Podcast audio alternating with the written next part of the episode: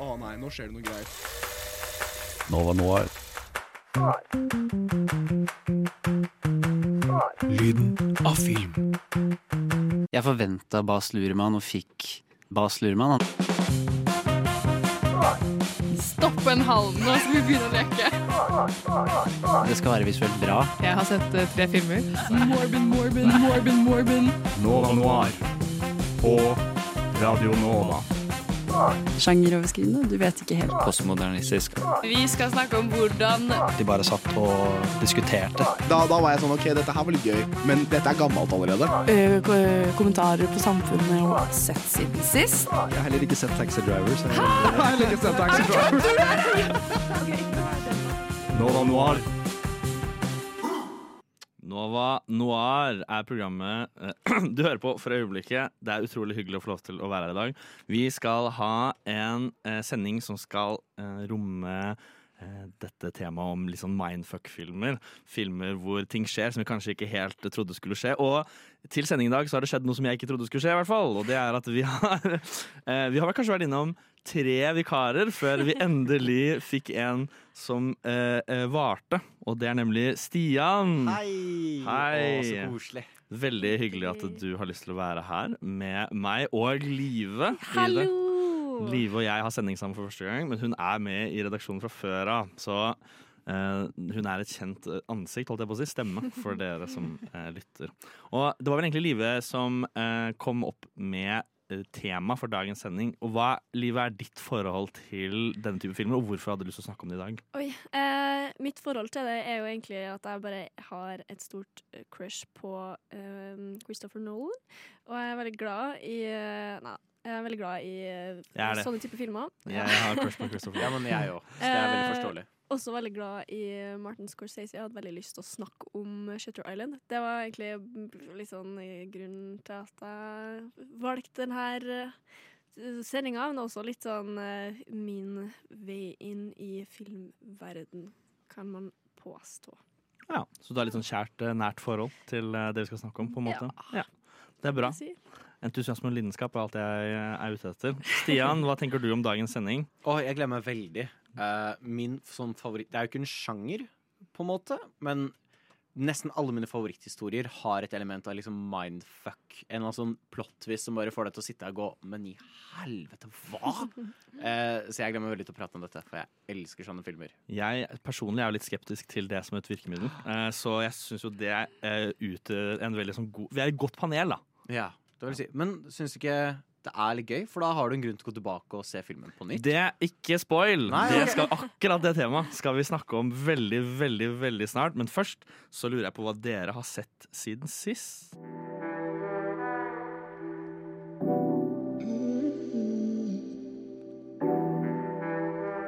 Nova. Nova. Nova Nova. Har du fucka med noen filmer i det siste? Har du fucka med noen filmer i det Sett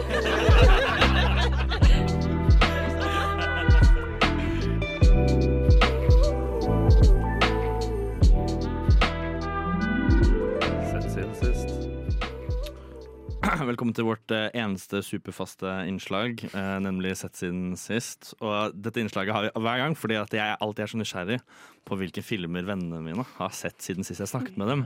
Og Stian, siden du er gjest i dag, Oi. så skal Live få lov til å begynne. Oh, yes! Så jeg bestemmer. Så Live, kan ikke du fortelle litt om en film du har sett siden sist? I hvert fall vi snakket, da. Det kan jeg absolutt. Eh, de filmene vi ikke Eller de har sett siden sist, utenom dem vi har sett til nå, er jo egentlig eh, tre veldig morsomme filmer som jeg har veldig lyst til å snakke om. Masse. Men eh, hovedsakelig en som heter for eh, Evil Dead, som er en oh.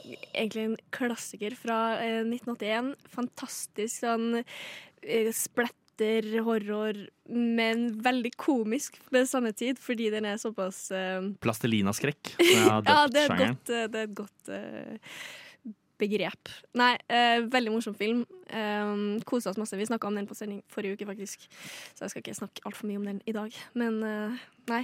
Og jeg anbefaler den, altså. Jeg har Ja. et veldig personlig minne med Evil Dead. Okay. Hvor eh, en venn av meg, faren hans, har bare verdens største DVD-samling. Og vi bare gikk inn og bare fant DVD-er til tider. Og var sånn, det her ser wack ut. Vi ser på den. Eh, og vi var relativt unge. og fant Evil Dead, var sånn wow! Wow. Evil og dead. Kult! Det er store engelske ord, og så putta vi på filmen, og jeg tror vi alle ble litt sånn traumatisert. Det var en vakker opplevelse. Ja, ja, ja. Ja. Det var sånn felles eh, traumatisering. Hvor gammel var du? Eh, Tolv, kanskje? Ja. Ok, men da skjønner jeg det. Mm. Det var, det, var- men det var en vakker opplevelse. Så er det veldig nært forhold til Evil Ja. Dead. Det er som første filmen som traumatiserte meg, liksom. Sammen med Monster House og Steven Spielberg. Oi, okay. den er ikke søtt Nei, men Sam Raimi, jeg synes han gjorde en god jobb med den triologien Jeg har faktisk Ja. bare sett den siste filmen, og det er Army of Darkness, tror jeg det heter. Og den er så morsom.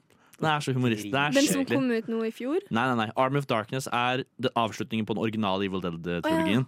Og den er så spot on, eh, satire, morsom. Den er så bra.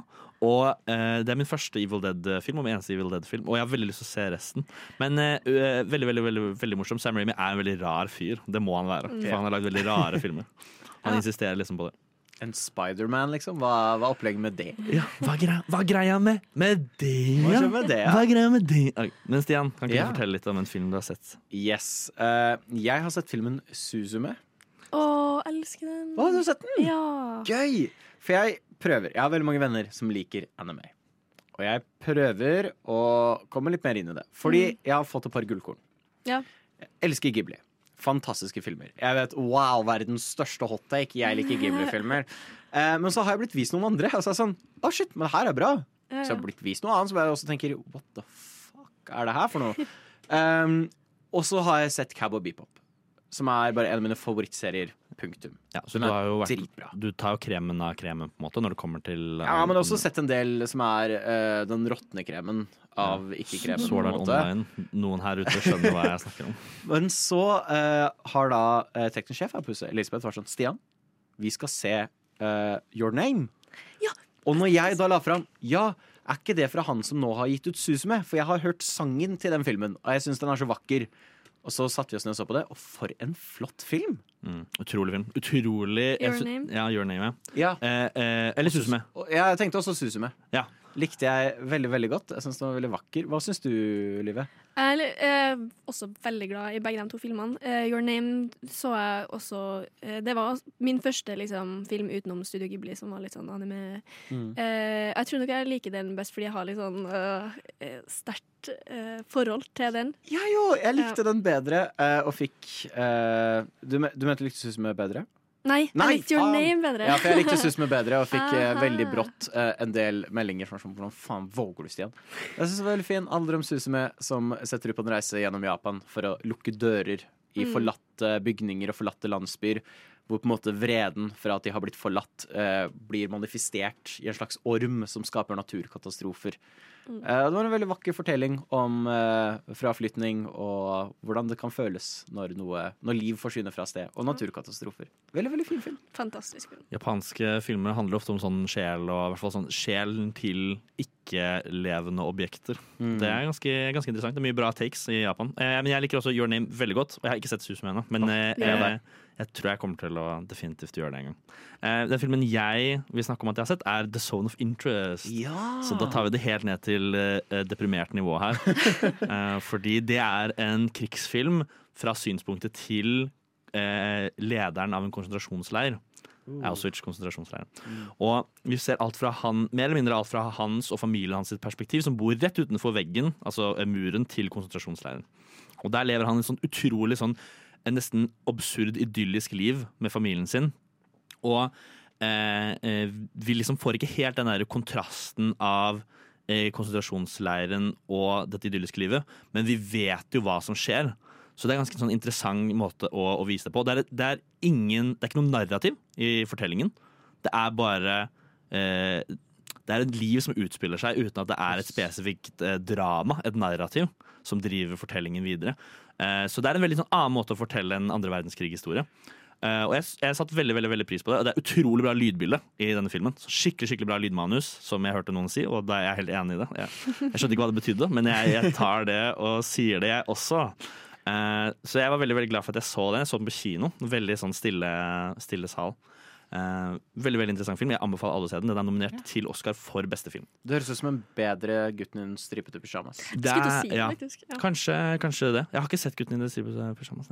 Sorry, Sorry. Det er også barndomstraumefilm. Vi, Det det. Ja, vi viste den til oss i sjette klasse. Ja, ugreit. Det er helt sykt. Ja, lærere kjeder seg for mye. Det er 100 sikkert. Og vi ble vist um, uh, Life is Beautiful i sånn sjette klasse, og den er helt grusom. Spennende. Eh, Hvilken film er det? Life is Beautiful? Eh, eller La Vita et Bella. Den handler også om eh, er det sånn, Det er både komedie og grusom, fæl krigshistorie, basically. Ja. Um, Det er greit å være tidlig at man skal uh, fortrenge traumer med Ja. humor. Mm. Eh, la det være en uh, lærepenge.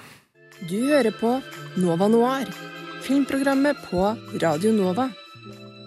Spoilere kan forekomme.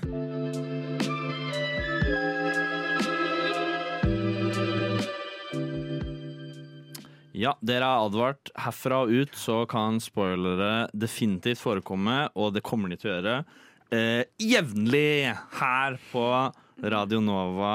Du hører på Nova Noir og alt det greiene der. Vi skal snakke litt om den sjangeren vi nå eh, Ikke le, Stian. Jeg Nei, nei, prøver å nei, nei, konsentrere nei. meg. Jeg bare smiler, jeg. Det smilet er bra. Eh, vi skal snakke om mindfuck-filmer, og da tenkte jeg liksom Jeg har noen spørsmål til dere over eh, hvorfor i det hele tatt vi er så interessert i denne type sjanger. For jeg føler kanskje mennesker på en sånn generell basis, og spesielt folk som kanskje ikke ser så mye film til vanlig, er veldig interessert i akkurat denne sjangeren. Eh, og jeg lurer kanskje litt på hvorfor er det noen av dere som har noen sånn umiddelbare tanke? Altså, eh, jeg kan se for meg at det er litt sånn spennende fordi det ikke eller vanligvis ikke har den der klassiske Hollywood-oppbygninga som alle er vant til, eh, hvor det er liksom innledning, hoveddel, avslutning. Men her er det sånn du, du vet aldri hva som skjer neste, og det er jo åpenbart ganske spennende. Ja, litt det som er en sånn gjenganger for alle filmene vi ser i dag, er jo at det begynner med eh, hvis, hvis begynner tilsynelatende med én historie, men så ender vi opp med å bli fortalt en helt annen historie Mm. når vi kommer helt til slutt. Så det er kanskje litt sant det du sier, at den følger ikke den derre Den bryter veldig med den originale eh, mainstreame eh, filmoppbygningen som Hollywood vanligvis kjører. Ja, Tror du det, Stian? Er det det som gjør det litt sånn forfriskende? Ja, så føler jeg også det er Jeg føler det er to distinksjoner her. Og det er den folk liker å bli overraska. Mm. Det er gøy. Surprise! Hey! Ja. Og jeg tror litt sånn for de som ser film litt sånn casually, så er det sånn Å, det var gøy! Det tenkte jeg ikke på. Ferdig med det. Men jeg tror for oss som er litt sånn veldig La, la oss være ærlige, kanskje litt for glad i film. Filmelytten, som jeg liker å kalle oss. Ehm, så er det noe som Det legger til en ny kvalitet i filmen. Jeg husker mitt første møte med et sånn historie. Var, det var for så vidt et spill, men det var helt på slutten så får du en infodump som bare gjør at hele historien er nå endret seg. Mm. Og når jeg da gikk gjennom den historien på nytt, så så jeg på den historien med et helt annet lys. Og det syns jeg også spesielt med filmer hvor, eh, som er enda mindre på en måte interaktivt. Så blir det noe interaktivt med det. Mm. At filmen inviterer deg inn til å se den på nytt. Ja. Og kanskje begynne å plukke opp ting i bakgrunnen. Kanskje noen sier et eller annet som direkte hinter til at oi, ting er ikke som du faktisk tror. Mm. Og da blir det plutselig en sånn Where's Waldo, liksom krimgåte, hvor du begynner å putte sammen alle disse Ja, den røde tråden, da. Prøve å finne den røde tråden gjennom hele historien. Ja, jeg føler det er en sjanger som eh, inviterer lytteren veldig til å delta i filmen. Og det føles ut som en film for lytteren, sier jeg. Det er på radio er jeg nå. Eh, seeren. Og det, eh, det er en, en type film som er veldig skapt for et publikum.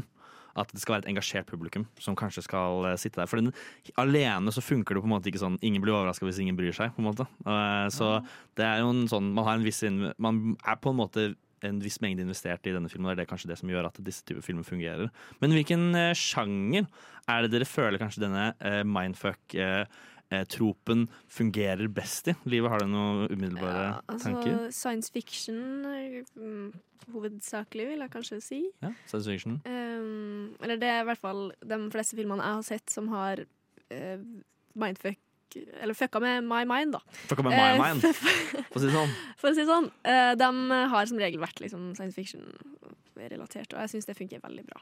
Mm. Jeg tenker umiddelbart på thrillere. Ja. Ja, ja. Mm. Jeg føler at det kan treffe enhver sjanger, men for eksempel for noen sjangere så kan det fort bli litt for cheesy. Som ta Ja. fantasy. Ja. Hvor jeg, og jeg elsker fantasy. Hardcore Ringenes herrenerd og alt det der, liksom. Men det er en sjanger hvor det kanskje fort kan bli litt sånn cheesy, og putte inn en plot twist også. Det er nesten litt for, for, for forventet av sjangeren. Og det er litt sånn Ja, OK, oi, han der Fordi hva kan du gjøre fancy? Ja, du har en fyr med djevelhorn, liksom. Oi, han var slem! Det hadde jeg aldri trodd. Men Litt som eh, i Frozen, hva tenker dere da? Med han der eh, eh, Hans. Hans ja. Ja. At han endte opp å være Jeg så det mil unna, for å si det sånn. Men jeg, jeg støtter veldig eh, sci-fi. Ja. Eh, jeg er veldig glad i Blade Runner 2049. En av Ah. mine favorittfilmer. Fantastic motherfucking Og det er også en sånn film når du hører på en måte for revealen av hvem eh, Ryan Goslings karakter egentlig er. Og så er det sånn Å, det var ikke det du faktisk trodde gjennom hele filmen. Og når du da ser den på nytt, eller som meg, jeg har sett den 20 ganger til, så begynner du liksom se alle hintene gjennom hele historien fra starten av at nei, nei, nei, det er den personen det egentlig gjelder. Og det ligger der hele tida, og det er veldig gøy å se det igjen og igjen. Og Sci-Fi har muligheten til å ha kloning og alt mulig annet piss som kan styrke opp disse plottvistene. da. Definitivt. Ja. Ja. Nei, og eh, jeg skal bare kjapt eh, snakke litt om de, filmene vi skal se Altså En annen film som hadde vært utrolig Nå mista jeg skoa mi, hvis noen hørte noe av det. Det, hadde, det er bare det. Eh, ikke tenk på det. Jeg får den tilbake en gang. Um, eh, så tenker jeg umiddelbart på Fight Club. Det er jo en veldig sånn eh, film som blir tatt opp. Vi skal ikke snakke om Fight Club i dag. Vi skal snakke om Shutter Island, som også jeg føler er liksom sånn, eh, sånn prime eksempel på en populær film som gjør dette veldig bra. Dette med å eh, skape en, en forventning og så fullstendig bryte med den forventningen. Så skal vi snakke om Eternal Sunshine for Spotless Mind, som er en helt annen sjanger enn Shutter Island igjen. Og eh, for å liksom vise litt sånn eh, dynamikken til de ulike sjangerne, hvordan det, de som løser denne mindfuck-delen, elementet. Og så helt til slutt skal vi snakke om Memento, som eh, bruker veldig veldig mye forskjellige elementer, som tid og hukommelse, eh, for å liksom gjøre oss forvirra og eh, kanskje kødde litt med forventningene våre til filmen. Ja. Jeg bare syns det er fint at uh, Noir respekterer første regelen av Fight Club. ja. Eh, ikke å snakke om den. Ikke snakke om Fight Club. Ikke snakk om den. Har du huska å høre på Nova Noir 10 til 12 hver torsdag? Nova Noir. Torsdag 10 til 12. Ja ja. Ja, ja! Ja, ja. Oi, Ja, ja. Det var litt høyt, beklager. Ah, Vår første film. Eh, takk for overgangen, Arthur. Det er han som sier Nova Noir i- med nordlendingdialekt i det du akkurat hørte. Eh, Shutter Island kom ut for en del år siden. Har ikke for meg akkurat når den kom ut. Det føles som den alltid har eksistert. Eh, Martin Scorsese har regissert den, og han har jo regissert andre ting også. Uh, som uh, han man vanligvis gjør når man er regissør. Stjernene i denne filmen, eller vi ser Leonardo DiCaprio i hvert fall, i hovedrollen. Denne Teddy, US Marshal, og hans kjære assistent, holdt jeg på å si, partner heter det. Mark Ruffalo. Jeg husker ikke, Chuck kaller vi han. I den utrolig generiske US Marshal-politinavn. Eh, Teddy og Chuck. Og så husker jeg faktisk ikke hvem som spiller han uh, uh, sistemann. han Legen. ja, han som spiller legen. Han som spiller direktøren for hele greia. Skal vi se. Uh, ben Kingsley, selvfølgelig. Eh, det er Ben Kingsley. Eh, hva syns dere om denne Jeg skal kanskje sette, tema, sette stemningen litt, hva som skjer i denne filmen. Og den, vi kommer, hopper bare rett inn i filmen hvor eh, Teddy er og eh, vasker seg i en vask fordi han er kvalm på en båt, eller et eller annet sånt noe. Mm. I hvert fall sånn jeg husker det. Veldig sjøsyk. Ja, veldig sjøsyk. Eh, Kanskje sånn generelt litt sånn dårlig gjennom hele filmen. Han har det ikke sånn veldig bra. Eh, og så ender han opp på denne eh, øya sammen med partneren sin, som spilles av Mark Ruffalo. Og her så skal de løse et mysterium av en rømt pasient. Det er i hvert fall det vi tilsynelatende eh, får beskjed om at eh, historien er. Og så viser det seg at det kanskje er et litt større mysterium på denne øya enn det vi van først trodde. Og det høres jo ut som en utrolig sånn generisk murder mystery. Eh, type fortelling eh, hvor det virker som vi vet liksom, Å, det er egentlig en konspirasjon bak det hele. Eh, men så viser det seg at eh, det kanskje ikke er en konspirasjon, men at Mr. Teddy Daniels kanskje ikke egentlig heter det engang. Og-. For han er en Vi ser jo veldig mye av denne filmen gjennom hans øyne. Og det viser seg at han kanskje ikke er en så troverdig eh, fortellerkarakter som man kanskje skulle tro. Denne filmen, eh, Livet, eh, når er det første gang du så denne? Vet du, det prøvde jeg å tenke ut, men jeg husker faktisk ikke helt. Um, men jeg kan se for meg at jeg var sånn 12-13 eller noe sånt, Uh, hvis jeg ikke tar helt feil. Eh, men eh, nei, det var jo som sagt eh, en av de liksom, filmene som gjorde meg mer interessert i å dykke inn i filmverden, fordi den jeg så den og satt igjen og var litt sånn Hva var det nettopp så? For jeg skjønte veldig lite. Um, og så endte jeg opp med en, en sånn uh, YouTube-spiral hvor jeg måtte liksom What does this mean? Uh, uh, secret easter eggs in um, Shutter Island. Og det var jo bare et hav av liksom videoer og konspirasjonsteorier. Og jeg bare, det var så sinnssykt fascinerende at Nei. Det var bare en veldig kul opplevelse, så jeg har jo sett den sånn fire-fem ganger etter det. Ja, jeg tror jeg også har eh, det, Som jeg sa, at det føles ut som den alltid har eksistert. For jeg føler jeg liksom alltid har sett denne filmen sånn innimellom. Mm. Uh, Stian, når er det du har Du har sett den én gang, har du ikke? Ja. Det passer egentlig veldig bra, for vi skal snakke om rewatch-valuen til den litt senere. Og da er det veldig kult å ha ditt perspektiv, hvor du bare har sett den én gang. Jeg gikk jo på folkehøyskole uh, og, og studerte der filmproduksjon. Og da hadde vi hver torsdag så ble en i klassen valgt ut til å komme med en film som de var sånn Dette er en jævlig god film. Og så så vi den sammen. Og så rangerte vi de. Og var sånn Syns vi denne var bra? Og det var alltid vondt hvis noen tok med en film de elsket, og så var det sånn Det var en veldig dårlig film. Jeg gjør den terningkast to. Eh, og så var det en da som eh, brakte Shutter Island. Det var første møte jeg hadde med den filmen. Og jeg var sånn Wow, dette er en kind of dårlig film. Eller det er, ikke en dårlig, det ikke en dårlig film, men det er sånn Som du sier, dette var en veldig generisk historie. Det her er sånn Jeg vil være Agatha Christie, men jeg er ikke Agatha Christie. Det var litt en OK, det er bra skuespill, liksom, men jeg føler at det her er sånn konspirasjon tatt rett ut av en X-Files-episode. Jeg føler ikke de har gjort noe Holy shit! Der kom den twisten, ja. Ja, OK, never mind. Jeg tar det tilbake. Og, eh, så jeg husker jeg satt gjennom og var liksom ikke så imponert. Kul film, kult filma, bra musikk. Jeg likte cinematografien, jeg likte skuespillerne. Men sånn, «Nei, historien er ikke så mye. Og så treffer den twisten, og så sånn, holy shit, ok, never mind. Dette var en veldig veldig kul film, og jeg er veldig glad eh, siden jeg så den så sent. Mm. At Ja. jeg aldri fikk den twisten spoila, for jeg har hørt om Shutter Island. Jeg tror det var derfor også jeg hadde litt skyhøye forventninger, for jeg har hørt veldig mange prate om Shutter Island. Ja. Eh, opp til det punktet. Har ikke fått den twisten spoila, og det er jeg veldig veldig glad for. Det For det, det gjorde den filmen ekstra god. Ja, Det er jo en ganske eh, god Det er en veldig ambisiøs film, selv om det ikke virker sånn til å begynne med. Det ser ut som liksom, skal du se seg det er sånn Jeg har bare lyst til å lage chillefilmer fra nå av. eh, og så eh, har han virkelig klart å lage et ganske sånn troverdig univers. Eh, og jeg sitter kanskje igjen med at uh, jeg vet ikke helt om alt jeg så var det som faktisk endte opp med å skje heller. Og det syns jeg også er litt interessant. Jeg vil snakke Helt, helt, helt til slutt så vil jeg snakke om uh, slutten. Og jeg vil høre litt hva dere tenker om den absolutt siste scenen i denne filmen. Men sånn generelt, hva, er dette en film vi anbefaler til andre mennesker? Er det noe det liksom For jeg føler dette er en veldig sånn eh, generisk, sånn enkel film å anbefale til de fleste. For de fleste kommer til å like den. Jeg vil absolutt si eh, ja, men jeg er jo litt biased også, da, kanskje. Jeg vil tørre å påstå det her er litt sånn gateway drug. Til å bli litt mer gira på å faktisk lære seg om film. Kan du liksom- skrive ned på den. Altså, det, er liksom, det her er en sånn film hvor du kan lett få faren din som bare ser James Bond, til å plukke opp den her. Og hva handler det om? Nei, bare, bare Leonardo DiCaprio som flyr rundt på en øy og er bajas. OK, kult. Og så kanskje man får litt den derre wow, OK, man kan gjøre dette med film, ja. Spennende.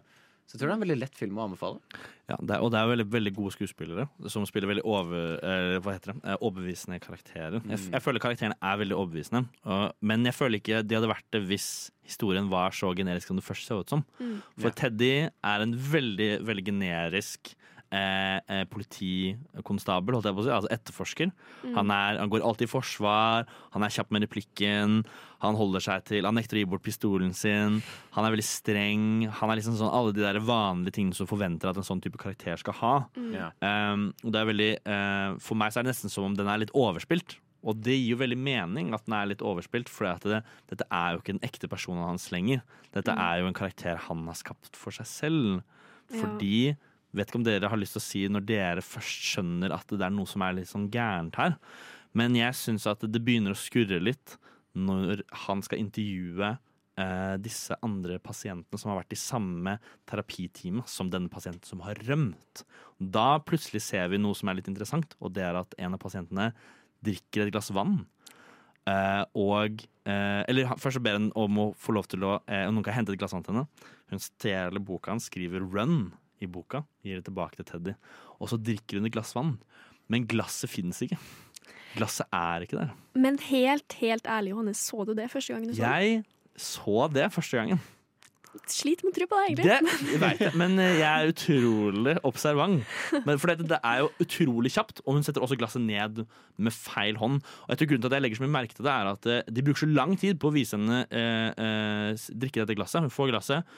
Det er close-up av at hun drikker. Og du uten har ikke glasset. glass. Ja. Ja, og så er det close-up at hun setter glasset tilbake med feil hånd. Så det er liksom sånn, du, det er sånn, ok, hva skjedde nå? Hvorfor var det ikke noe glass? Er det bare en feil? For jeg trodde først at det var en feil. Uh, så, uh, men så var jeg sånn, skal Scorsese, hadde han sagt at det var greit? Hadde noen bare holdt ingenting og late som de drakk? Men når var det dere skjønte første gang at det, at dette kanskje ikke er sånn som det ser ut som? Det er fælt å si, men det er fem år siden jeg så den. Så jeg er litt usikker på når det var, men jeg vet det var frustrerende sent inn i filmen. Men det er vel litt den der når, han å, når du innser at han begynner å spirale nedover, på en måte. Mm. At han be, det begynner å virkelig gå helt i huet for han. Så er det sånn Har han schizofreni? Var vel en tanke som begynte å dukke opp i hodet mitt. Sånn, jeg føler det er noe schizofreni på ferde her. Eh, men jeg turte ikke helt konkret gå 'dette er hva som skjer', før det på en måte blir litt satt på bordet at ja, her har du svaret. Ja. Nei, jeg, jeg husker jo egentlig ikke det jeg heller. Fordi eh, første gangen jeg så den, så jeg trodde det var sånn irriterende sint. At jeg sånn Åh, hvorfor skjønte jeg ikke det? Fordi, Mm. Eller det tenkte jeg i hvert fall de andre gangene jeg så den. Fordi da var jeg sånn her, "Her- hallo, det er jo De legger det jo fram på en tallerken til deg, liksom. Sånn, sånn små detaljer hele tida som skjuler det. Men det er veldig det er smart gjort, da. Um, så det er jo ikke så sjokkerende, egentlig. Men um, i mitt uh, filmhjerte nå så tenker jeg at ah, det burde jeg, burde jeg skjønt. Hva er en scene som liksom står ut veldig? Som dette var veldig tydelig. Eh, altså før um, Før vi får det Ja. bevist, liksom. Mm, tenk litt, har du noen ideer? Mm, ikke egentlig, bortsett fra kanskje når han begynner å snakke med de andre pasientene. Ja. Og når han begynner å eh, eh, Han hallusinerer jo litt sånn tidlig, så Ja. det er åpenbart at han sliter med litt traumer. Og kanskje når han først spør om eh, at de kjenner igjen en pasient, så er det eh, kanskje litt åpenbart. Ja, ja for det er jo også en ting eh, som er litt eh, relevant. Fordi han eh, eh, snakker jo om denne pasienten som heter Andrew Ladies. Som han lurer på Han spør pasientene om de har sett han eller hørt om han, for han er tydeligvis på øya eh, som pasient. Og så få, kommer det opp et klipp, eller han forteller det at det var han som eh, starta brannen som drepte kona hans. Eh, og eh, forteller hvordan han ser ut. Og det er liksom så eh, ekstremt urealistisk utseende. Eh, fordi vi får også et klipp av hvor eh, Andrew Ladies sitter i en stol og prater med han i en av de hallusinerende drømmene hans. Og han har liksom et stort arr fra eh, en øye til nedover liksom, i hele fjeset.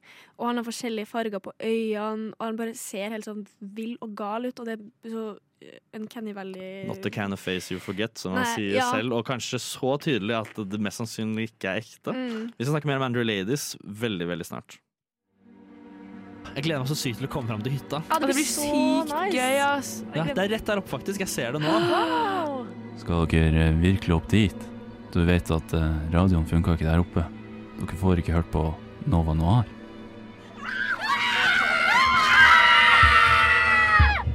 Du hører på Nova Noir.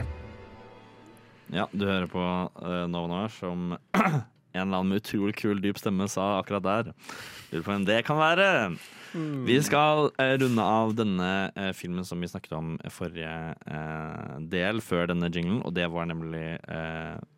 Shutter Island, som det heter. Jeg er ikke så god på navn, dessverre. Eh, og en ting jeg har lyst til å snakke litt om, er jo at eh, eh, når man ser den på nytt Stian, du har ikke sett den på nytt. Dette blir Nei, for deg. det Det er at da legger du til Du legger merke til Du ser filmen på en helt, helt annen måte, og det er litt sånn Man skulle tro at en sånn film ikke har en rewatch value fordi at du vet jo hva som skjer, men da er det så mye annet gøy å følge med på, og da, fra første scener, så skjønner man at her er det jo selvfølgelig noe som er gærent. Mm. Og det er jo måten, hvis jeg følger med på Mark Ruffalo, som spiller denne partneren, som også viser seg å være primærpsykiateren til eh, da Teddy.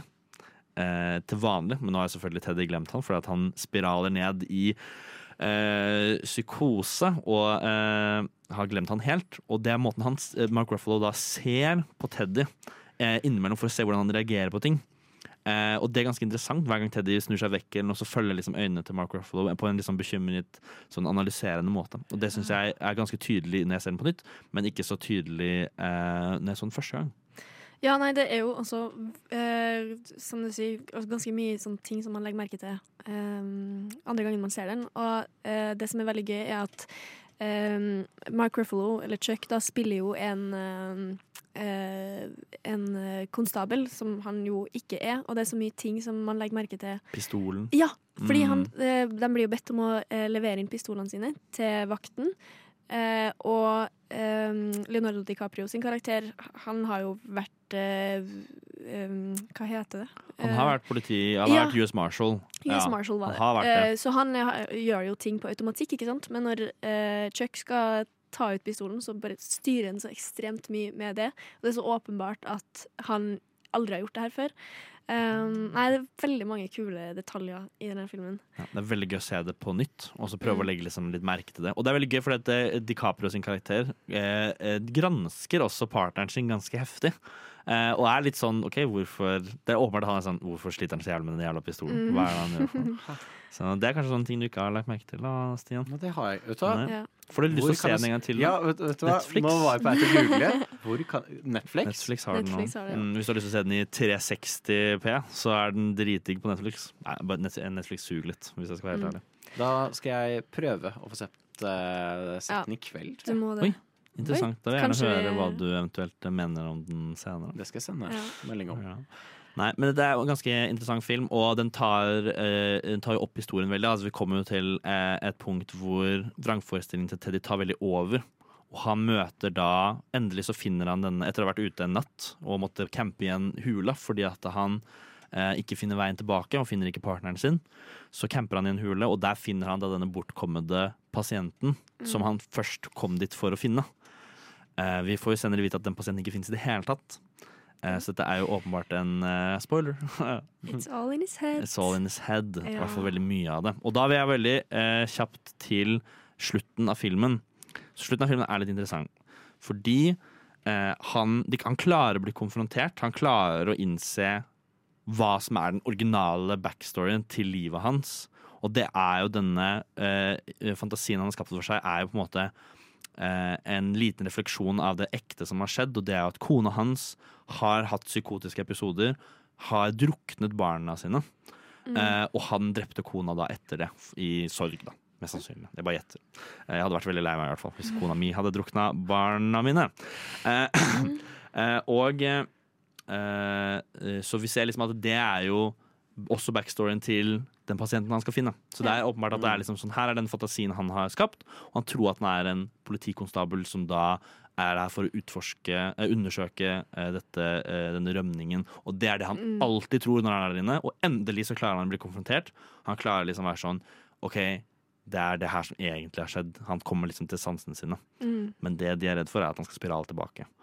Og helt siste scene, så tilsynelatende tror han fortsatt at han er en politikonstabel. Altså at han er politi. Ja, for å det klipper tilbake til at liksom eh, Siste dagen, nå skal de finne ut at eh, Så sjekke om dette funka eller ikke. mm, Og så sier han Så henvender han seg til da, psykiateren sin, og så si- kaller han han Chuck og sier at vi skal komme oss ut herfra. Vi er smartere enn disse folka. Og da ser man at eh, Mark Ruffalo snur seg til andre kollegaene sine og rister på hodet. Men denne gangen så syns jeg kanskje at eh, det var litt interessant dette med at det, eh, Jeg syns ikke det var helt overbevisende at han ikke hadde At han hadde mistet hukommelsen sin en gang til. Jeg lurer på om han med vilje eh, sier at eh, eh, Later som han spiraler tilbake, for han vet han kommer til å gjøre det en, en eller annen gang uansett. Mm. Og heller vil gå gjennom en, en mer eller mindre eh, Lobotomisering. dødelig operasjon. Tror at at det rett og slett er litt sånn gjøkeredeaktig. Kanskje at det er litt gjøkeredeaktig. Det, det er det jeg kanskje tror. Da. At han på en måte velger selv at det kanskje det er best om jeg, ba, jeg er voldelig. Jeg er farlig. Ja. Eller bare for å slippe å være i de her vonde tankene hvor han hallusinerer, og bare alt er ganske grusomt. da For han har jo eh, konstante drømmer eh, og migrener og sånne ting som eh, Om kona som dør, og barna som ligger døde. Han har jo vært i eh, andre verdenskrig eh, og vært soldat og eh, bare opplevd masse grusomme ting. Så jeg, kan, jeg, syns den, jeg støtter den teorien litt, egentlig. Ja, Det er litt der jeg står nå. Det er min nåværende Mm. teori. Når jeg ser den neste år, så kanskje jeg har endra den. Vi får nesten se. Vi skal eh, videre til eh, Jim Carrey i 'Eternal Sunshine of the Spotless Mind'. Skal vi stikke hjem til meg og drikke brus med sukker og se på American Psycho? Patrick Bateman i American Psycho er faktisk forbildet mitt. Bli med hjem til meg, og jeg har radio på full guffe og har prime med lime. Bli med hjem til meg og se på Nova Noir. Det er faktisk dritfett. Storebroren min hører på Nova Noir hele tida, og jeg vil bli akkurat som han når jeg blir stor. Nova Noir, 10-12 hver torsdag. Det er eh, torsdag, og du hører fortsatt på eh, Nova Noir her på Radio Nova, Oslos beste radiokanal. Vi kjemper ikke akkurat mot ut, ut av rommet, lille gutt som har stikket seg inn her. Jeg orker ikke at du er her mer. Du bare bråker. Videre Jeg gjør mye sånn i dag, og det er for å eh, prøve å holde meg seriøs, men jeg merker at det kanskje er mer irriterende enn det er seriøst. Det er for å bygge opp en plot twist. Johannes egentlig har kols hele tiden. Jeg har lungekreft hele tiden. Nei da, jeg har ikke det. Eh, Live, du har det. Nei da. Du skal introdusere neste film. Det er det.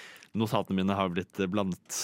OK, vær så god. Uh, nei, neste film er jo en fantastisk film som heter uh, 'Eternal Sunshine of the Spotless Mind'. Uh, den ble regissert av Michelle Gondry, Goundry, hvis jeg sier det riktig, og kom ut i 2004. Eh, og det har jo to fantastiske hovedkarakterer som spilles av Jim Carrey og Kate Winslet. Og det er jo litt morsomt, for det er eh, liksom egentlig ikke Jim Carrey sin type film, fordi eh, den har, det er ganske sånn depressiv, egentlig. Eh, handler om eh, to kjærester som eh, Eller et forelska par som er veldig glad i hverandre, men så går det litt skeis, og så ender det faktisk opp med at eh, hun ene eh, i en slags fremtids... eh, hva heter det de, de har i hvert fall mulighet til å slette minner eh, fra hjernen sin. Så da, eh, når de gjør det slutt, så sletter eh, karakteren til Kate Winslet, som heter Clementine, eh, Jim Carrey sin karakter Joel fra sitt minne. Og det eh, går jo som det går. Eh, Jeg syns det er en fantastisk eh, film om eh, kjærlighet og grusomheter. Hva syns eh, du om filmen, eh, Johannes? Jeg syns eh, dette er en eh, eh, utrolig bra film. Jeg syns det er skikkelig eh, eh, interessant manus. Og jeg synes det er Mm. kult at man klarer å lage en kjærlighetsfilm eh, som er så original i, i eh, Ikke bare Kanskje det er en nytt take på gammel tematikk. Mm. Litt sånn den derre eh, Hva gjør vi ikke for den personen vi elsker? Og litt det der med at så lett man glemmer de forferdelige tingene eh, når en sånn følelse av kjærlighet på en måte tar litt overhånd. Mm. Og her er det på en veldig ekstrem måte å formidle dette på, med at eh, de eh, velger å glemme, eh, fullstendig slette noen fra livet sitt. Som er en sånn ekstri, det er en ekstrem ting å gjøre. Mm. Utrolig dårlig gjort. Og da må du, liksom, du må bare tenke deg til hvor forferdelig de må ha hatt det. For å plutselig velge å ikke huske den andre personen. Mm. Eh, og det er kanskje litt det vi snakket om i forrige film. Hvordan man liksom skaper den realiteten man heller ønsker, enn det vonde som er å liksom konfrontere traumene eller sorgen sin. Så jeg syns det, er det er en skikkelig skikkelig kreativ måte å fortelle en sånn type historie på. Veldig fin. måte. Absolutt. Du har jo ikke sett den, eh, Stian? Ikke, men jeg syns det er en veldig spennende problemstilling. Mm. Mm. Fordi på en måte, hvis du fjerner det, har du lært noe av det? Har du noe erfaring fra det? Hvordan, Ja, nettopp. hvor, har du deg selv? Nå Er spoiler du nesten slutten, på en måte. Nei, nei, nei, nei. Det, det, vi kan kanskje hoppe litt eh, på en måte til det, da. Fordi at eh, de ender jo opp med å Joel ender jo opp med å finne ut at eh, han eh, har blitt slettet fra Clementine sitt minne, og velger å gjøre det samme. Mm. Og hva skjer dagen etterpå? Det er jo at han møter henne en gang til. Ingen av dem vet hvem hverandre er. Nei, Så de møter hverandre på toget og forelsker seg dag, nytt. ja, på nytt.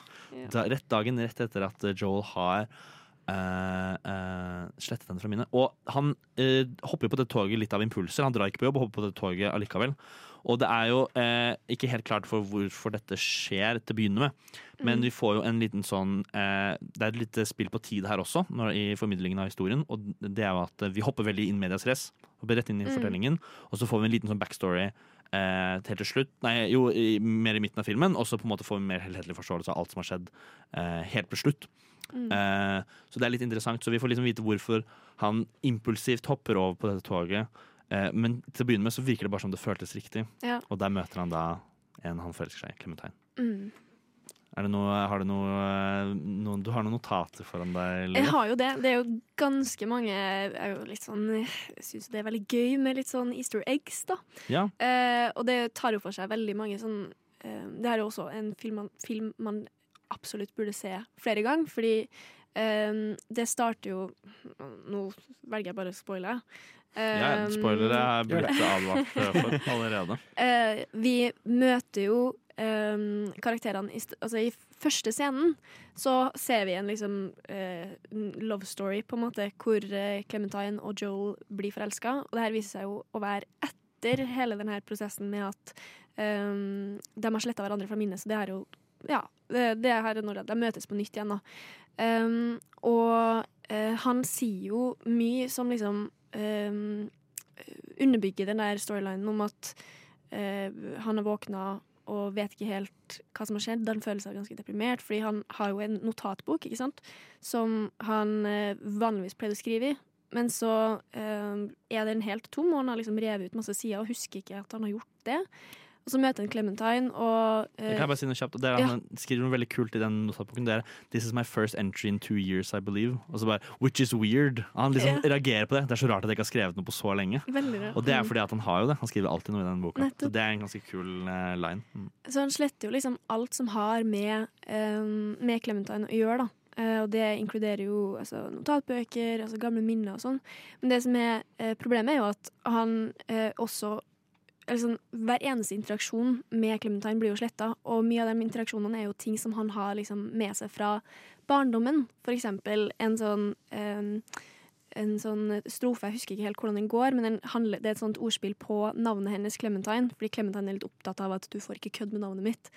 Eh, og så eh, gjør han ikke det, for han har ingenting å komme med. Men eh, i sluttscenen, når vi, får, altså i, når vi får se det aller første møtet, før alt det her skjedde, eh, så eh, sier jo akkurat det samme, du får ikke kødd med navnet ditt, og da har han jo noe å komme med.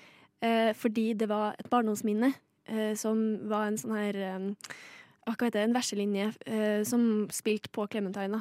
Så det viser jo at han har liksom sletta masse ting fra barndommen, og det, han sier jo også det at han, han er, er liksom ikke noe interessant. Han har ingenting interessant å komme med. Han er deprimert, han er um, inneslutta og ganske sånn kjedelig. Men det er jo egentlig fordi han har sletta nesten alt som er interessant med livet sitt. da. Også det som er interessant, det skriver han ned i en bok istedenfor å ytre seg høyt om det. Ja, det er sant. Ja. Mm. Så han, eh, han setter seg litt selv i, i uh, skyggen av, eh, av de han er rundt. Han har litt lite selvtillit. Uh, Mm. Vi skal uh, litt mer inn på Eternal Sunshine of the Spotless Mind etter dette. Hva, hva er den kjekkeste Mats Mikkelsen? Et glass til Mats Mikkelsen. Eldre, deprimerte, alkoholiserte Mats Mikkelsen er min favoritt. Og der er han teknisk sett også pappa. Casino Royal Mats Mikkelsen med arr på Casino. Royal Mats Mikkelsen er deilig, ass. Peller seg litt i sår og sånn. Deilig. Mm, all in. Mm. Men har han navle? Noe år. torsdag 10 til 12. Yes, har han eh, Jeg har navle, i hvert fall. Videre. Nå gjorde jeg det igjen, det hostegreiene. Jeg må slutte å gjøre det. Det beklager jeg. Eh, Man skal egentlig ikke poengtere ut ting heller, av ting man sier på radio. Eh, Hei der ute, alle som kommer til å kritisere meg for dette. Jeg bryr meg ikke. Slåss mot meg. Vi skal snakke videre om Eternal Sunshine of the Spotless Mind. Jeg kaller den bare Eternal Sunshine. Det er som regel det jeg sier, for det, er for lang tittel. Det eneste jeg kan kritisere denne filmen for, er egentlig det. det Tittelen er litt for lang. Eh, eh, jeg syns det er utrolig interessant disse eh, Det kommer en veldig sånn lang sekvens som er veldig Det blir vel mer eller mindre hoveddelen av filmen. Når minnet til Joel, eller Jim Carrey, blir slettet. Og da på en måte han rømmer rundt i minnene sine i et desperat forsøk på å prøve å forstå hva som foregår. hva som skjer, og hvorfor alt faller sammen. Og eh, kanskje eh, prøver han å liksom holde på det ene minnet han har av Clementine igjen. Eh, og da rømmer han rundt i minner og gjemmer seg til og med der eh, hvor det ikke går an å finne Clementine. Han tar med seg Clementine inn i andre barndomsminner for Mm. å eh, eh, holde henne i live, så vidt han vet. Og det er jo derfor han eh, Vi ser dette, og eh, vi skjønner da hvorfor han hopper på dette toget. For det er jo der vi kommer tilbake til etter denne eh, seksjonen av filmen. Og det er eh, hvorfor han da hopper på dette toget impulsivt. Og det er fordi at det lille han husker igjen, er at eh, eh, han har en impuls om å da møte henne på dette toget. Ja, eller han får i hvert fall eh, I, i sluttscenen, før eh, han får alle minnene sine sletta, så sier hun 'meet me in Montauk'. Ja. Men han husker jo ikke det her. Det er bare underbevisstheten hans som liksom Som ruller og går. Eh, og da får han en, ja, som du sier, en impuls til å dra dit. da. til å gjøre det. Han vet ikke hvorfor, men han gjør det. Mm. Og eh, når vi da beveger oss videre helt Der møtes jo de, selvfølgelig. Og når vi da beveger oss videre helt til eh, slutten, så eh, har jo en assistent som jobber på dette kontoret som sletter Dette er utrolig science fiction-basert, egentlig. Eh, og det er, eh, jeg liker egentlig litt at det er så at Ingen egentlig nevner noe særlig. At dette er superart. At dette går an. Du får en liten sånn greie sånn Det her er jo ikke mulig. Og bare sånn, jo da, det funker. Så, ok, greit, Det er ikke så farlig. Eh, men en eh, som jobber på dette kontoret, eh, får eh, oppleve selv hvordan det er å vite at man har blitt eh, alltid, har hatt et alterert minne. Mm. Og velger å eh, release til alle som har eh, mistet minnet sitt, eh, hva de har sagt om personen de skal slette. Og de sender da ut en sånn teip, en sånn tape, en sånn kassett eller en CD eller noe, også, som er et opptak da, som de har gjort selv, som de ikke husker at de har gjort. Og da får de fortalt til seg selv alt om den andre personen som de har prøvd å slette, som de da har, egentlig har fortrengt. Og Clementine får sin, mens eh, Er det Clementine eller Joel får Clementine sin Nei, da, mens han sitter i bilen? Ja, de sitter i bilen, og Clementine Ja. får den posten, og så setter de den på mens de eh, sitter i bilen. Og så da hører, hører man Clementine på sitt verste snakke om Joel og hvor mye hun hater han mens de Mm. sitter der og akkurat har møttes. Mm. Eh, og dette virker jo som tidenes sjukeste prank. Eh, men jeg synes det er en ganske interessant, veldig, veldig interessant del av filmen. Hvor det er, det er så sinn... Alle har jo opplevd dette hvor, med Om de ikke har en, en kjærlighetsrelasjon, så har du sikkert en, en mor- eller farsrelasjon som har vært litt sånn 'Jeg hater deg. Jeg hater deg så mye. Jeg vil at du skal dø'. Mm. Og man sier jo disse forferdelige tingene ut av sinne og impulser, og så går det som regel alltid bra til slutt. Men her så er det liksom sånn ingen av dem husker at de kjenner hverandre engang. Og så Mm. hører de seg selv si helt forferdelige ting om en annen person. Jeg vet ikke hva det hadde gjort med dere, hvis dere hadde liksom plutselig skjønt sånn Og jeg hat Jeg og Stian sitter sammen, og så plutselig så kommer det opp en, en tape hvor jeg hater Stian. Jeg sier alle de mest forferdelige tingene. Jeg vet ikke hvordan du hadde reagert på det. Nei, det er et godt spørsmål. I hvert fall hvis vi på en måte hadde sittet på en eller annen kafé Ja. og randomly hørt, Du, hva er internett? eh, vet du hva internett er her, eh, person? Å, hei, Johannes. Ja, hei, Stian. Eh, forresten, og så spiller jeg klipp som er sånn Fy faen, jeg hater Stian. Han er verdens verste menneske. Så tror jeg hadde vært ganske sjokkert. Jeg tror han syns det har vært litt vanskelig å i hvert fall fortsette den relasjonen min med det her mennesket. Fordi hvem vet hva den personen kan gjøre mot meg? Eller sånn Hvis de er villige til å si alle disse rare, disse Ja, forferdelige tingene. Hva om det her egentlig er et grusomt menneske jeg sitter og er i ferd med å bli forelska med? Liksom. Så det er ganske sånn uh, skremmende. Men uh, det er jo litt morsomt, for på slutten uh, Slutten ender jo opp med at de faktisk innser at vi vil prøve likevel. Så det er jo en happy ending. Men, Det er helt vilt å ville gjøre det. Ja, det er for så vidt, ja.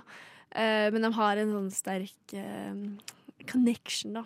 Men uh, regissøren spilte jo inn ganske mange eh, alternativer til denne eh, slutten. Oi, Eh, og det er litt gøy, fordi eh, den ene som jeg syns var litt mest interessant, var at de hadde, eh, skulle liksom klippe til at de var gamle, og at de fremdeles var sammen. Men det viser seg at de har liksom sletta minner av hverandre sånn 15-20 ganger, liksom. Okay. Og bare funnet av hverandre hver gang, og det er liksom sånn eh, Jeg er glad det ikke gikk for den.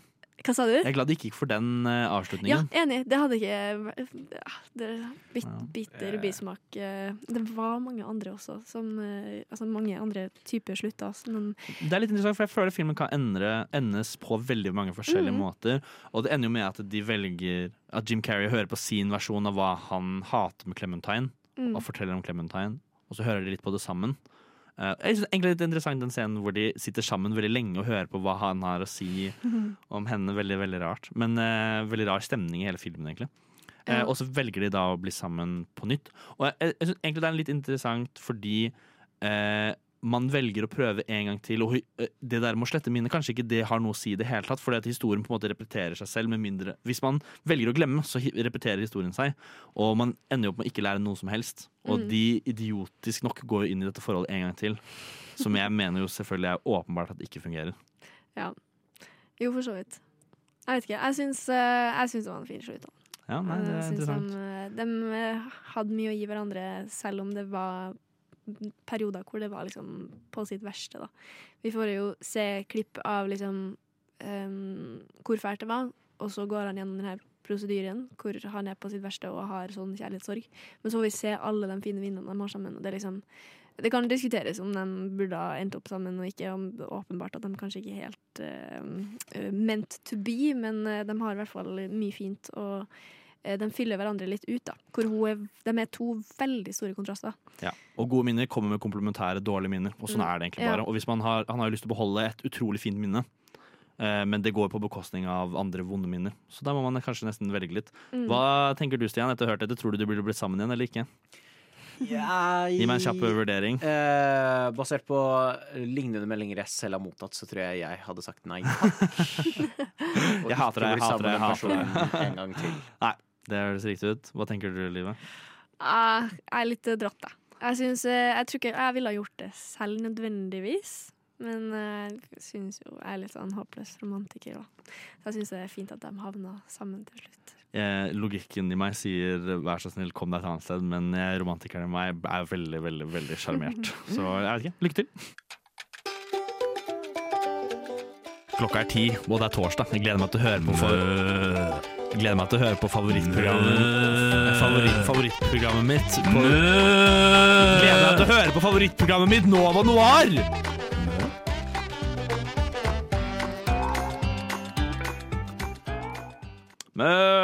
Nei da, jeg mener Memento eh, er neste film. Faen, der er du god. Der er du Tusen hjertelig takk. den var sterk. Det er det vi kaller en smooth transition. transition. Hvis man hadde klart å si transition, Smooth smooth. eh, transition. Memento, Christopher Nolan sin debutfilm. Og det er jo Eller debut, debut? Det blir jo debut, riktig. Mm. Uh, dette er norsk vi snakker. Uh, dette er Jeg så den for første gang i år. Nei, i fjor. Beklager, det er nytt år i år. Uh, og jeg var utrolig overrasket over hvor bra og ambisiøs denne filmen er, med tanke på at det er en, eh, en første film Mm. fra Christopher Nolan. Og nå husker ikke jeg på tampen hva hovedkarakteren heter. Husker du det, Livet? Uh, eh, det kommer til meg straks. Kan ikke du bare begynne å fortelle hva den handler om mens jeg søker på hovedkarakteren Det kan jeg absolutt gjøre. Uh, det handler om en karakter som heter uh, Leonard heter han. Eh. Eh, han eh, har korttidshukommelse. Eller han husker alt fram til eh, et punktet hvor eh, kona hans blir drept foran øynene hans, rett og slett. Eh, og liksom hele plottet til historien er at liksom han skal ehm, Han er på hevntokt, da, rett og slett. An eye for Han an skal finne morderen til kona. Mm. Mm. Men han har et lite handikap. det blir vanskelig. Fordi han eh, Jeg vet ikke, vet ikke om det er når han, han Hvert 15. minutt. Ja, noe sånn. Hver gang han blir distrahert, Mm. så mister han uh, hukommelsen. Uh, og eh, det har jo sine utfordringer. Og det er jo veldig gøy når vi blir introdusert for han, så har han utrolig mye tatoveringer med masse regler som han skal følge. Og han gir jo veldig mye sånne voiceovers. I, fortell, han liksom hjelper oss gjennom denne fortellingen med å gi veldig mye sånn eh, Han narrater sin egen historie. Mm. Og han er sånn Han er veldig fast, fast bestemt på dette at han, det er viktig at han har tydelige regler. Hvis ikke så blir man gæren. Ja. Eh, og da, eller hvis ikke så klarer man ikke å følge med på hva som skjer. Og han refererer også til en annen person som hadde samme lidelse som han, som ble gal. eh, fordi at han aldri hadde disse stramme, faste rutinene og reglene. Så er det litt disse faste rutinene og reglene som gjør at Leonard kanskje ikke er på rett spor allikevel. Ja. Eh, fordi denne filmen, det er veldig viktig å fortelle veldig tidlig at den, film, den eh, spilles fra helt siste scene. Og så legges det på scener som leder fram til siste scene. Mm. Helt til første scene i filmen. Den går baklengs, egentlig. Den går baklengs på en måte. Bare, den spoles ikke bakover, bare. Det er den eneste måten. Ja. Den fortelles fra slutten til starten. Uh, ja.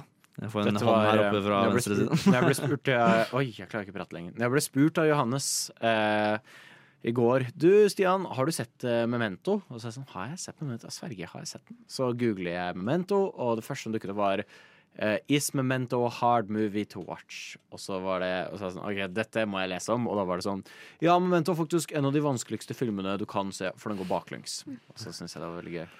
Så det, det er det lille jeg vet om Memento enn så lenge, er at den går baklengs. Den går definitivt baklengs. Og den er ikke så vanskelig å se, egentlig. For at du, uh, det er det samme som å se en film forover, bare det endrer litt sånn forventningene til de ulike karakterene. Mm. At istedenfor character development, så får du sånn character realization. Hvor du heller istedenfor å følge en karakter eh, fra start til slutt, så eh, følger du en karakter i bak, eh, baklengs rekkefølge. Og så eh, oppdager du heller hva som gjør denne, hva den karakteren egentlig er. Alle Mm. karakterene begynner et sted, og så skjønner du til slutt hvem, hvilken rolle de egentlig spiller i historien til Leonard. Eh, og eh, det er jo eh, en interessant måte altså Christopher Nolan er ikke ukjent for å leke med tid. Dette er definitivt en interessant måte å, å fortelle en historie på, og veldig ambisiøst med tanke på at det er første spillefilm.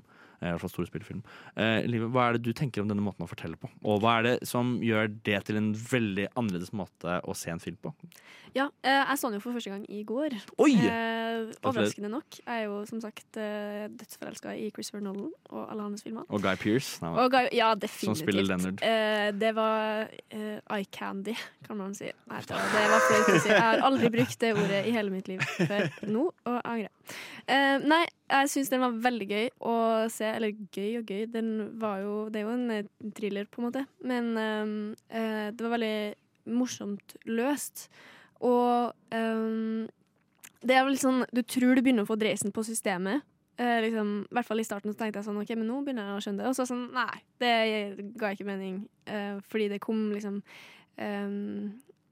Ja, de, det, eh, de legger inn klipp um, som ikke har noe sammenheng med den liksom, storylinen vi får fortalt der og da. um, med litt sånn svart-hvitt, som eh, svart-hvitt eh, innslag da, som spiller på Ja. ehm, ja. Hva er det disse svart-hvitt-innslagene betyr, tror du? Ja, det, det er litt sånn eh, fascinerende mm, Jeg har lurt litt på, men det var, jo, det var jo det som på en måte skjedde før eh, hele denne storylinen begynte på, hvis jeg har tolka det helt riktig. Tidligere så har Christopher, eller senere heter det, i eksempel Oppenheimer, så har Christopher Nolan brukt svart-hvitt til å enten ha en upartisk synspunkt på ting, Mm. eller eh, en annen type partisk eh, synspunkt på ting. At det, det er ulike fortellere som viser sin del av saken. Ja, Men så ser du jo eh, mot, helt mot slutten av filmen at eh, svart-hvitt-bildet gradvis får farge på seg, og da er det en Mm. del av den eh, filmen igjen. Det var, det var morsomt løst. Hva syns eh, du? Jeg, eh, jeg eh, er litt enig med deg, og jeg, jeg syns kanskje filmen er litt slitsom å se på. Fordi Mm. at du ser de samme tingene så ofte, og du er litt sånn sånn åh, åh, vi går jo aldri videre, vi går bare bakover. Det, er det kan være litt sånn, litt sånn utfordrende for konsentrasjonsevnen min. Eh, men jeg syns dette virkelig er en bra måte å sette opp plot twist på. For her er det mye plot twist. Mm. Eh, fordi en som heter Teddy, som vi møter helt i starten, og vi får et inntrykk av at dette er morderen. Dette er morderen til kona. Det er det det virker som. Han har fått en lapp hvor det står eller har tatovert på seg selv, eller skrevet til seg selv 'Don't believe his lies' bakpå bildet av Teddy. Mm. Han tar bilder av folk for å finne ut liksom, om dette er hva de gjør, hvem er de, for å huske det. da. Eh, 'Don't believe his lies' står det, Også sånn 'He's your killer', et eller annet sånt noe. Og det er liksom der vi begynner historien. Og så får vi vite underveis, videre og videre, så har vi liksom det inntrykket av Teddy. Han er morderen, mest sannsynlig. Og eh, eh, så er det en annen kvinne som vi får inntrykk av er en hjelper. Mm. Hun gir han informasjon, så da stoler vi på henne, og vi stoler ikke på Teddy. Og underveis så endres veldig det synspunktet vi har på disse to karakterene. Og eh, det gleder jeg meg til å snakke eh, litt mer om i detalj.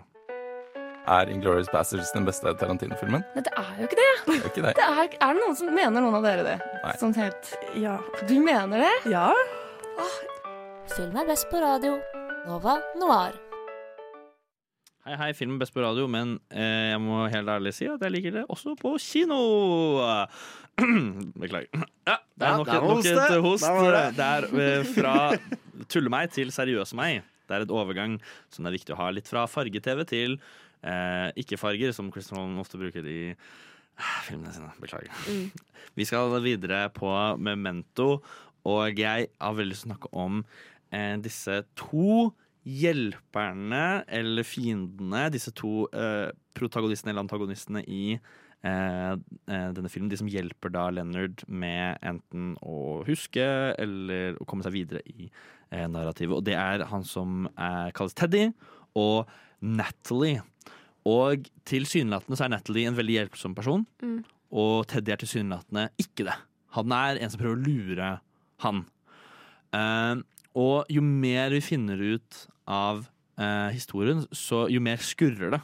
Spesielt dette med Natalie. For eh, til å begynne med så ser vi bare det Leonard har husket. Mm. Eh, men når vi da går videre og videre tilbake i tid, så får vi med oss ting som han har glemt, opp til det punktet vi først møtte han. Og da eh, kommer vi litt fram til at Natalie kanskje ikke er så hyggelig som hun først trodde hun var. Hun er en uh, utrolig manipulerende person som bruker lidelsen hans til egen gevinst.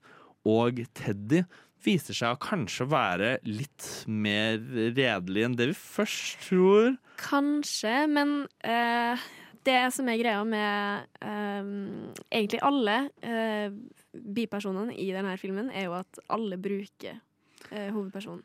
Egentlig. Alle Eh, virker til å kjenne han fra før av. ja, Ja. og alle uh, bruker det at han har denne her eh, diagnosen eller korttidshukommelsen uh, til sin fordel. Da. For eksempel resepsjonisten på hotellet han bor på, uh, selger på han enda et rom fordi han har glemt at han har leid et rom der. Så da får de dobbel inntekt for det.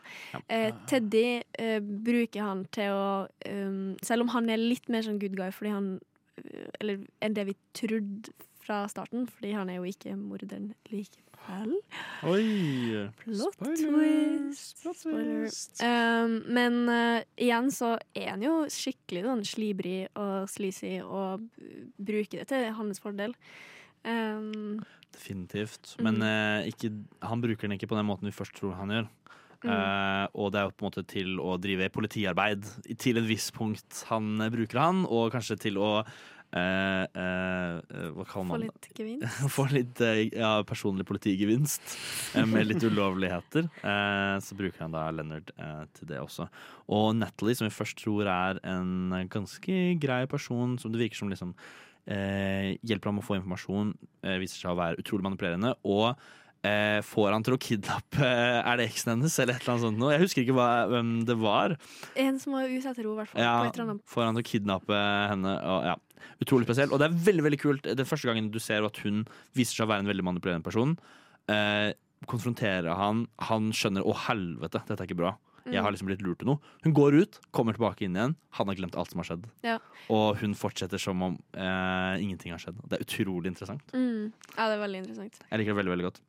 Det er mye sånn um, spennende liksom, backstories i den her hele liksom, sammenhengen. Han, eh, det handler jo om, som sagt, eh, kona som har dødd, og han prøver å finne morderen. Uh, men så fordi han, han Han er jo klar over at han har den her um, korttidshukommelsen. Um, og uh, har jo funnet ganske mange uh, gode løsninger. At han har tatovert liksom, huskelapper på kroppen og liksom er veldig avhengig av et kamera som han tar bilder av folk for å huske, um, huske dem, og så skrive liksom hva de heter og sånne ting.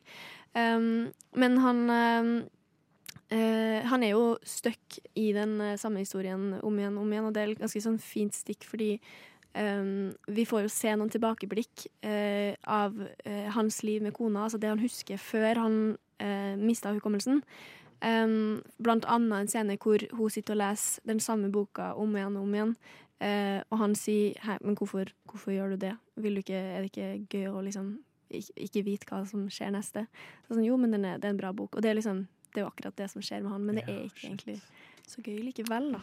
Ja, og han refererer jo til en sånn bihistorie som, eh, hvor Mm. en gammel klient han hadde, som hadde samme lidelse som han. Og det også er liksom interessant dynamikk, at han ikke helt klarte å lære av Mm. den uh, Han mistet for, for så vidt hukommelsen. Han klarte liksom ikke helt å lære av uh, denne historien.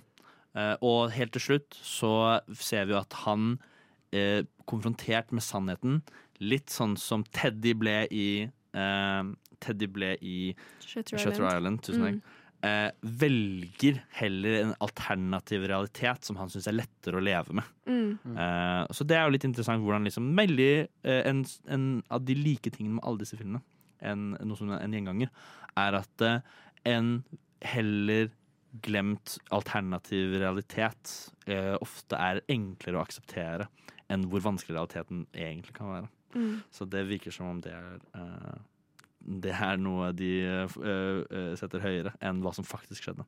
Stian, er dette her en film du føler du kunne gått og sett? Å ja, 100% Jeg er veldig glad i Christopher Nolan. Jeg skammer meg litt nå over at jeg ikke har sett Memento. Den burde du absolutt eh, ja. se. Jeg merker nå at jeg har eh, jaggu meg tre nye filmer og få sett pronto. Absolutt. Litt spoila, da. Men eh, Ja, det går fint. det går fint Den går bakover, så det blir den spoiler likevel. Det er det fine med litt innvikla filmer, da, er at det er vanskelig å holde styr på Mm. alle plottvistene. Så jeg tror jeg kommer fortsatt til å bli overraska over en del. Ja, når det kommer til disse filmene, her, så glemmer jeg alltid litt grann av hva som skjer, Mm. så det er alltid litt gøy å følge med uansett. Hei, du der, lille gutten. Vil du være med meg hjem og kose med katten min? Hvem faen er du av gammel? har du hjerneskade, eller? Eh, Vi kan, eh, vi kan se på film. Nei, jeg gidder ikke det, ass. Ja, jeg har eh, cola med sukker i. Ja, jeg får hull i tenna. Har, jeg har Prime Energy Drink med lime. Nei, den røde er det beste. Eh, vi kan høre på Nova Noir. Åh, OK, da. Nova Noir 10 til 12 hver Hver torsdag.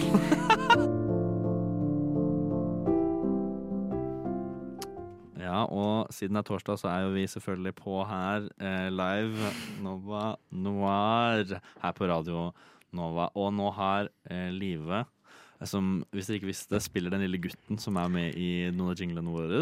Hva mener du? Ja, ut døra, vær så snill. Du kan få lov til å komme inn etterpå. Du har fikset en liten lek for oss i dag, Livet. Vil du forklare oss Jeg har skjønt sånn cirka den, eh, hvordan den fungerer, men kan ikke du forklare det litt bedre for lytterne? Ja, det er egentlig en eh, lek jeg pleier å eh, gjøre i bilen på lange bilturer. Men eh, den går eh, rett og slett ut på at eh, man skal si eh, eh, Jeg finner på en regel. Eh, dere vet ikke hva den regelen er. Vi skal si ord som passer innenfor denne eh, regelen. Eh, jeg starter, og alle mine ord er riktig. Og så skal jeg si ja eller nei om det passer eh, til den regelen. Eh, Cool. og så må man si jeg gikk til grensen, og jeg kom over grensen med f.eks. et eple. Så kan vi starte her? Må jeg si hele tiden 'jeg gikk til grensen og kom over grensen med et eple'? Må jeg si det hver gang? Nei da, det må ikke. Ok, Det er greit. Greit. Skal vi starte, bare? Ja. Så jeg må bare si noe? Nei, jeg skal starte. Du skal starte? Mm. Okay. For jeg lager regelen. Ja, beklager. La, Mm. uh, to sek, så skal du få en liten bakgrunn. Skal vi se. Ja, flott. OK. Uh, jeg gikk til grensen og kom over grensen med et eple. Jeg gikk til grensen og kom over grensen med en banan. Nei. Uh, jeg gikk til grensen og kom over grensen med en tennisball. Nei. Jeg gikk til grensen og kom over grensen med et uh, elektrisk uh, uh, lasersverd. Uh, Jeg gikk eh, til grensen og kom over grensen med en Radionova-logo. Nei. Å, OK, da, da Jeg gikk til grensen og kom over grensen med en tennisracket. Nei. Faen! Jeg gikk til grensen kom over grensa med en eh, eh, dansescene. Faen! Eh, jeg gikk til grensen og kom over grensen med en mobil. Nei. Jeg gikk til grensen og kom over grensen med en elbil. Ja. Oi! Eh, jeg gikk til grensen kom over grensen med et lasersverd. Du sa det samme en gang til? Ja, det spiller ingen rolle. Okay. Jeg gikk til grensen og kom over grensen med en elektrisk bil. Nei. Jeg gjorde det samme, men jeg gjorde det med Live. Nei. Nei, er det ikke det? Jeg gikk til grensen kom over grensa med en Åh, hva eh, Daniel. Hæ? Nå, nå tror jeg jeg er for dum til å se Ja, det, Memento. det blir for Eh, vanskelig. Jeg, jeg må skildre mens Stian tuller og tøyser. Du må komme på et eller annet. Å, Eh, jeg må! Du, det er din tur nå. Du Jeg gikk over grensa og kom over grensa med Georg. Nei. Jeg gikk til grensen og kom over grensen med Hvis det ikke er eple Men det er, el, det er eple. Og det er lasersverd, og det er elbil. Men jeg, jeg tenker sånn elektrisk, men altså, det går jo Det ikke an tenkte jeg fordi det eh, er jo ikke mobil eple. kommer cover. Nei, og live Daniel er ikke elektrisk. Eh, Kan hende at samme ordene funker. Er det med eh, Nei, for det er ikke eh, den heller. Å, dette er kjempevanskelig. um, med Nei, for det kan ikke være det heller. Eh, er Kom det med eh, mikrofon? Nei. Jeg gikk til grensen, kom over grensen med en live. Du, jeg sa det i stad, jo. Jeg vet det. Har du endra regelen? Nei. Hæ? Og Men da eh, jeg gikk over grensen og kom over grensen med det livet bestemmer er lov. Nei. Jeg gikk til grensen og kom over grensen med eh, meg selv. Nei. Jeg gikk til grensen, kom over grensen med en, et eple. Jeg gikk over grensen og kom over grensen med en elbil. Ja. Jeg gikk til grensen og kom over grensen med et eple. Nei. Hæ? Er det Ok, det er en sånn tre... Jeg gikk til grensen, kom over grensen med uh, lasersverd. OK, så det looper. Er det det som er greia? Er det jeg til Hvis jeg sier lasersverd nå, sier du ja? Nei. Da er det det forrige du sa forrige gang. Det må være det. Ja. Er det det? Det her er en loop. Okay, jeg Vi er stuck i en loop, Hvordan, hvordan er det vi eventuelt finner Må, må vi liksom konfrontere deg? Eh, dere må, dere må fortsette å si ord som passer innenfor den regelen. OK, det er det nå. Hva var det siste jeg sa nå? Lasersverd? Men det er det viktig at vi vet at det siste du sa var? Stian er der. Hun sa lasersverd akkurat. Nei, du sa, og så svarte du lasersverd. Nei, Nei. Du, det er deg nå. du er etter meg. Jeg sa lasersverd. Hva sier du? Eh, du kom over grensen med Daniel. Ja. Du kom over grensen med et lasersverd. Ja. Jeg gikk til grensen, kom over grensen med dinosaur. Shit, loopen endrer seg. Det er, altså, grunnen til at jeg sier samme ordene, er fordi jeg har mange kreativitet. Kan jeg si. Det har ingenting med saken å gjøre. På grunn av at du sier sa samme ordene. Ja, nå har jeg sagt lasersverd sånn fire ganger, men Ja. det har ikke noe med Hva var det du sa nå? Dinosaur? Dinosaur. Jeg gikk over grensa, kom over grensa med fossilt drivstoff. Nei. Jeg gikk over grensen Hæ? Nå, nå tror jeg lytterne begynner Jeg å lure. vi må, du må, vi må nesten kapitulere. Ja, jeg, my mind is fucked, i hvert fall. Ja, jeg gir meg. Eh, Wow. regelen var at man skulle si eh, et ord som begynner på den siste bokstaven i det riktige ordet. Oi. Så hvis jeg sier lasersverd, så er det Å, neste. Daniel, og så er det neste Live, og så er det neste eple. Skjønner dere? Så I forrige ord som blir sagt. Nei, altså, det, det er Hva er det riktige ordet, da? Eple? Nei, det, er- altså, det siste riktige ordet. På en måte. Det siste riktige ordet, som du, for du sier et riktig ord. Og ja, så er det, det kan da også hende at uh, Stian sier et riktig ord, Fordi hvis han svarer eh, eple med uh, elefant, og så sier uh, jeg ja, det er riktig, og så kan nestemann si Kan vi ta en til? Bare veldig kjapt. faktisk. Ja, vi må ta en til. Å, det var derfor elektrisk bil var Ja. riktig. Okay, Mm. Finn på Fordi elektrisk bil lasersverd. fort som mulig. Uh, OK, eh, jeg gikk til grensen, kom over grensen med en lyslenke. En hva for noe? Lyslenke. Jeg vet ikke hva det er for noe. Jeg vet ikke hva det er. Jeg gikk til grensen og kom over grensen med, eh, med Daniel. Jeg eh, gikk til grensen og kom over grensen med en paraply. Nei, jeg gikk til grensen, kom over grensa med en lommelykt. Jeg gikk til grensen og kom over grensen med en lampe. Ja.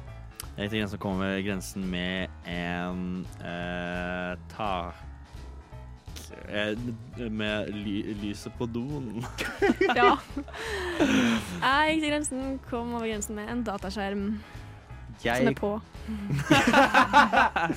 jeg gikk over grensen og kom meg over grensen med en chandelabra. Chandelier. All- Chandler. ja. Jeg gikk til grensen og kom over grensen med en sang av Sia. Nei da, det er jo mest sannsynlig noe som lyser, da. Riktig. Er riktig. Flink. Yeah, Veldig bra. Er Og nå har jeg vondt i hodet mitt, som kanskje stemmer litt overens med dagens eh, tema. Det har vært veldig hyggelig å ha dere på sending i dag. Stian, tusen takk for at du steppet inn på så kort varsel. Ren glede. Det det er veldig hyggelig å ha deg her. Tusen takk, Liv, for at du bare var her, egentlig. Bare sånn generelt. Takk i like Det har vært veldig veldig hyggelig, og jeg hater lekene. og Jeg er kjempedårlig den. Kommer aldri til å leke den igjen. Tusen hjertelig takk. Eh, vi har masse nettsaker, holdt jeg på å si. Eh, mente jeg å si, heter det. Eh, som kommer ut. Følg med i løpet av uka. Vi har vært på TIFF, vi har vært på håndtering av udøde-premiere, litt sånn forskjellig. Etter oss i dag kommer Jeg vet, hva, jeg vet ikke hva som kommer etter oss, men jeg ville hørt på. For det er mest sannsynlig så er det jævlig gøy. Så eh, tusen hjertelig takk for i dag. Er det noe dere har lyst til å si for i dag? Det må være superkort. Hvor kan jeg finne Nova Noir hvis jeg har lyst til å høre alt en gang til? Alt en gang til. Du kan finne på Spotify. Det er bare å søke inn Nova Noir. Der ligger alle sendingene våre uten musikk, så slipper du å høre på det som kommer nå!